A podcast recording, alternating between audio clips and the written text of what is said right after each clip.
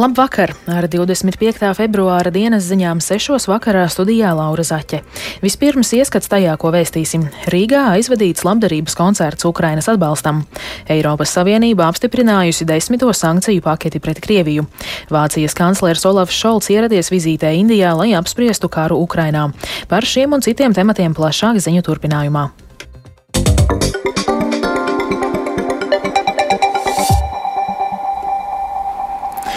Šodien no 12. dienā līdz 5. pēcpusdienā pie kongresa nama Rīgā notika labdarības koncerts Ukrainas brīvībai. Krievijas uzsāktā agresijas kara dēļ šis bija jau otrais gads, kad notika šāds koncerts Ukrainas atbalstam. Kā norādīja koncerta iniciators Ralfs Eilants, koncerta laikā saziedotos līdzekļus izmantos energoefektīvu ierīču iegādēji, kas nodrošinās Ukrainas iedzīvotājiem gaismas avotus. Pasākums bija plaši apmeklēts un vairākums Latvijas radio uzrunāto pauda, ka ieradušies, jo vēlas izrādīt atbalstu Украине. Mēs ar ģimeni esam no pirmās dienas bijuši, protams, kad uh, absolūti Ukrainas cīnītāju pusē, sākot ar uh, ziedojumiem, naudas kā izteiksmē, drēbītes esam ziedojuši, esam bijuši visos līdz šim organizētajos pasākumos ar ģimeni, lai bērni saprot, uh, ka nu, tas nav tikai viens valsts cīņa pret ļaunumu, tā ir īstenībā arī cīņa par, par vērtībām, kas mums Eiropā ir tik ļoti svarīgas, kas ir brīvība, pašnoteikšanās, tā ir iespēja pašiem lemt savu likteni. Tā kā skaidrs, ka Ukraiņas tautas sāpe ir, ir nu, viennozīmīgi arī mūsu, mūsu sāpe. Kāpēc tu esi atnākusi? Tādēļ, ka es gribu atbalstīt Ukrainu, gribu ziedot viņai naudu un gribu tās drēbītes, kuras man vairs nevajag ziedot Ukraiņu bērniem. Man trīs tautības ir. Māma krieviete, tēvs no Latvijas, Latvijas, vecais tēvs bija Ukrāņš. Tāpēc man kaut kur asinīs, Ukrāņu asinis. Tāpēc atnācu.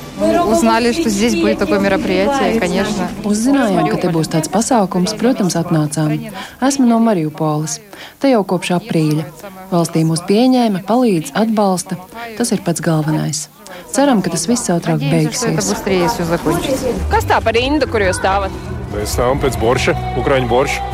Vai tas ir kaut kāds īpašs boršs? Nu, cik es zinu, laikam, Ukrāņi ir tie, kas šo zupu izdomāja. Tāpēc ir svarīgi simboliski. Jā, un, es saprotu, par šo zupiņu mēs iegādājamies šo zupiņu un apēdot, mēs ziedosim Ukraiņu tautai. Tas ir veids, kā mēs varam savu attieksmi parādīt. Arī gājienā pagājušajā gadā bijām mēs vienmēr, un arī mazais ir, un lai viņš zina, kas ir kas. Kāpēc tu esi atnācis? Jo es gribēju redzēt šo koncertu par Ukraiņu. Es gribu, lai Ukraiņa ir brīva.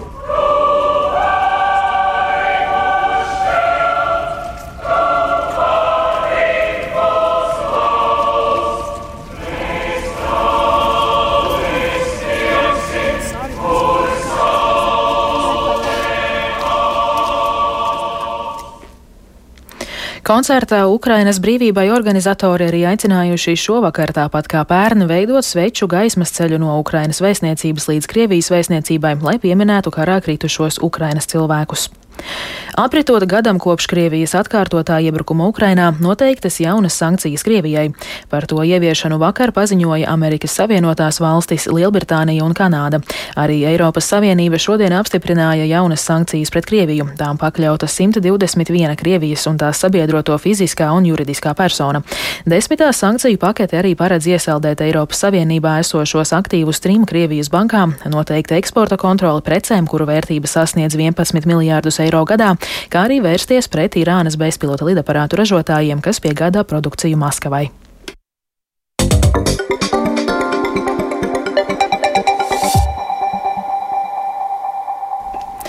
Šodien Vācijas kanclers Olafs Šolts ieradies divu dienu vizītē Indijā. Šī ir Šolca pirmā oficiālā vizīte Indijā, lai gan ceturtā tikšanās ar Indijas premjerministru Narendru Modī kopš stāšanās kanclera amatā 2021. gadā.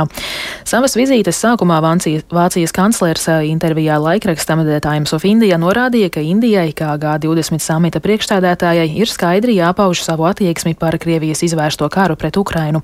Ar šo apgalvojumu liekot noprast, ka Krievijas izvērstais plāns plaša mēroga iebrukums Ukrainā nepazūd no dienas darba kārtības. Vairāk stāsta Rustams Šukūrovs. Šolts vizītes laikā uzsvēra Vācijas vēlmi stiprināt divpusējās attiecības ar Indiju, neaizmirstot par sadarbības stiprināšanu arī globāla mēroga jautājumos. Tirzniecība, klimata jautājumi, zaļā pārēja arī ir Vācijas kanclera vizītes uzmanības centrā. Taču, kā vēsta Vācijas ārlietu un drošības politikas padomnieks Jens Plotners, Šolca vizīte nenorit bez izaicinājumiem. Plotners uzsvēra to, ka Vācijas un Indijas divpusējās attiecības, lai cik brīnišķīgas tās nebūtu, tomēr neattīstās tīrā vidē. Mēs esam iekļuvuši ļoti nekārtīgā starptautiskā situācijā, kas ir pilna ar izaicinājumiem. Krievijas karš pret Ukrainu. Šis ir Eiropas karš, bet tas ir karš ar globālām sekām, sacīja Plotners. Lai gan Indija ir stingrāk formulējusi savu nostāju pret Krievijas izvērsto karu Ukrainā, lai atspēkotu rietumu pausto kritiku par tās maigo attieksmi pret Krieviju, tā joprojām nav atklāti saukusi Maskavu pie atbildības par tās veikto iebrukumu Ukrainā. Indija arī nav mainījusi savu politiku attiecībā uz Krievijas naftas un ogļu importu importu. Bijusī Indijas vēstniece ASV Mīra Šankara uzsvēra, ka Šolca vizīte Indijā notiek pasaulē grūtā laikā, kad karš Ukrainā visticamāk sāsināsies. Taču Indijas nostāju attiecībā uz Krievijas iebrukumu Ukrainā būs grūti mainīt, jo gadu desmitiem tiek uzturētas strateģiskās attiecības ar Maskavu. Pirms Šolca vizītes Indijā Šankara prognozēja, ka Indijas premjeras visticamāk mudinās izbeigt karu Ukrainā ar diplomātijas un dialoga palīdzību. Šankaras prognozes izrādījās diezgan precīzas. Indijas premjeras premjerministrs pēc tikšanās ar Vācijas kancleri rīkotajā preses konferencē uzsvēris nepieciešamību pēc dialoga, lai izbeigtu Krievijas izraisīto karu Ukrainā. Kopš Ukrainas notikumu sākuma Indija ir likusi uzsvaru uz šī strīda atrisināšanu ar dialoga un diplomātijas palīdzību. Indija ir gatava sniegt ieguldījumu jebkurā miera procesā. Drošības un aizsardzības sadarbība var kļūt par svarīgu mūsu strateģiskās partnerības pīlāru. Džordijā. Savukārt Vācijas vēstnieks Indijā Filips Akermans pirms Vācijas kanclera vizītes Indijā sacīja, ka Indija varētu būt piemērota kandidāte, lai atrastu izēju no konflikta Ukrainā. Taču visticamāk, tas nenotiks Šolca vizītes laikā. Turcijā aizturēti vismaz 184 cilvēki saistībā ar pieļauto nolaidību būvniecībā, kas novedusi pie daudzu ēku sagrūšanas postošajā zemestrīcē februāra sākumā. Tā paziņojas Turcijas tieslietu ministrs Bekirs Bozdāks. Starp aizturētajiem ir gan būvnieki, gan valdības amatpersonas. Zemestrīcē, kam sekoja gandrīz 10 tūkstoši pēcgrūdienu, 11 Turcijas provincēs sagrauti vairāk nekā 173 tūkstoši ēku. Bez pajumtes ir palikuši gandrīz 2 miljoni cilvēku. Bojā gājušo skaits zemestrīcēs Turcijā un Sīrijā pārsniedzis 50 tūkstošus.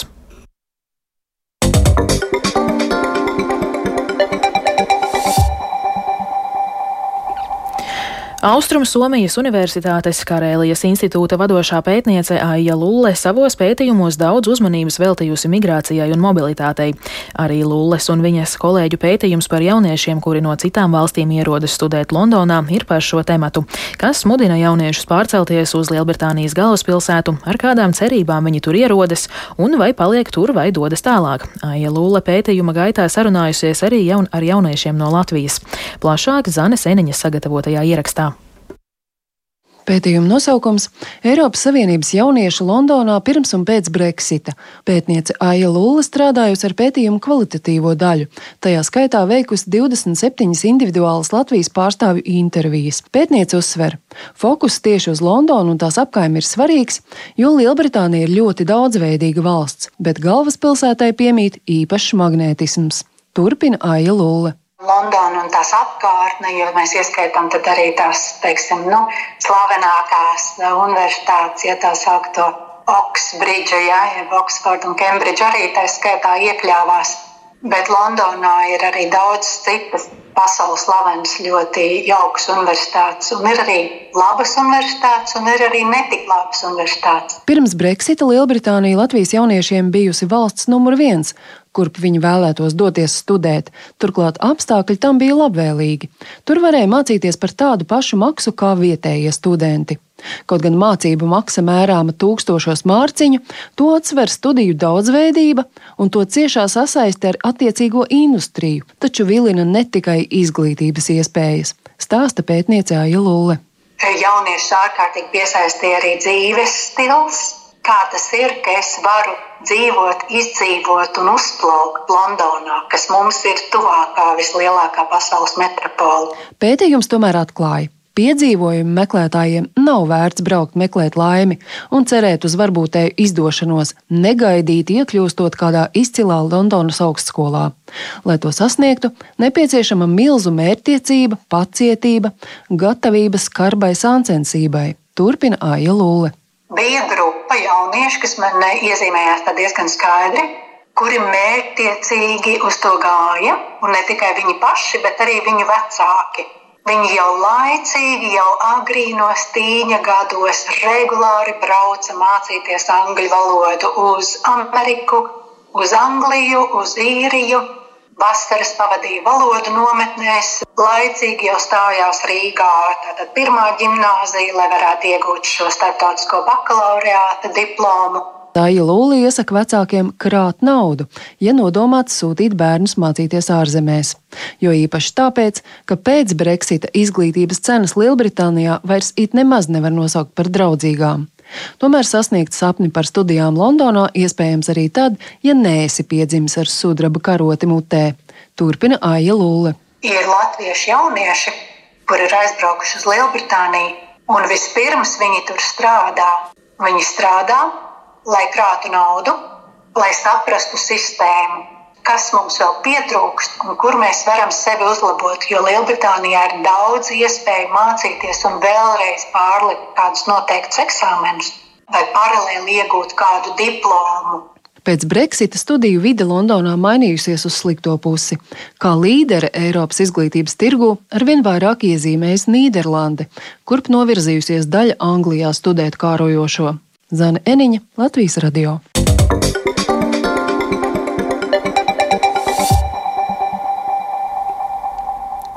Baltijas volejbola līgā dāmām un arī kungiem šodien izšķirošie notikumi. Latvijas klubi cīnās par visaugstākajām vietām abos turnīros, bet kopumā šodiena nesusi vairākas pozitīvas ziņas pašmāju sportā. Par visu plašāk jau tūlīt pastāstīs kolēģis Mārtiņš Klavinieks, kurš mums pievienojas tiešraidē. Sveiks, Mārtiņ! Jā, sveiki visiem no Jūrmalas uh, sporthausas. Šeit diezgan skaļi šobrīd. Tad pastāsti sīkāk, kur tu šobrīd atrodies un kādu spēli vēro. Jā, runa ir par Baltijas vīru volejbola līnijas maču. Šobrīd starp RTU robežsardzi, kas ir mainiets, un Jākapils Lūšiem, kur braukuši tālu ceļu ciemos, bet diemžēl. Netiek uzņemta īpaši laipni, jo šobrīd jau ar 2-0 vadībā ir RTU robežsardze visā mačā. 13 pret 11 arī pēdējā setā. Nu, var teikt, ka pēdējā, jā, tas ir trešais sets, bet nu, jau var teikt, ka pēdējā, jo šī, šis duels ir divu maču summā, un pirmajā ar 3-0 pārāk arī bija RTO robežsardze.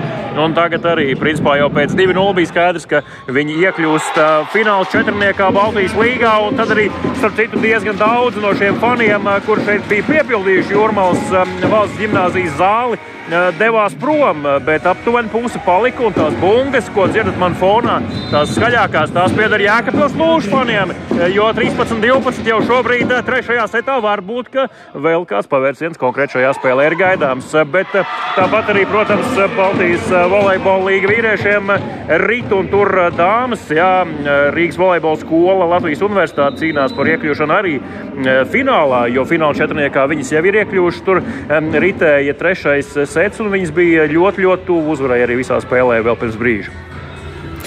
Un eh, kas vēl no Latvijas sportistu paveiktā šodien būtu izceļams? Jā, un es vēlētos izcelt noteikti pasaules čempionātu distanču slēpošanā. Patricija Eiduka 11. vieta Skietlonā 15 km. Tas noteikti ir ļoti daudz zināms sasniegums pasaules čempionātā distanču slēpošanā, kur konkurence ir ļoti milzīga. Nu, tāpat arī, protams, kamaniņu sporta sezona noslēgusies šodien divniekiem. Tur um, Latvijas um, jā, tad, tad, uh, izcīnīja 4. vietu šajā posmā un um, debijas sezonā arī 4. vietu kopērtējumā pasaules kausā savukārt.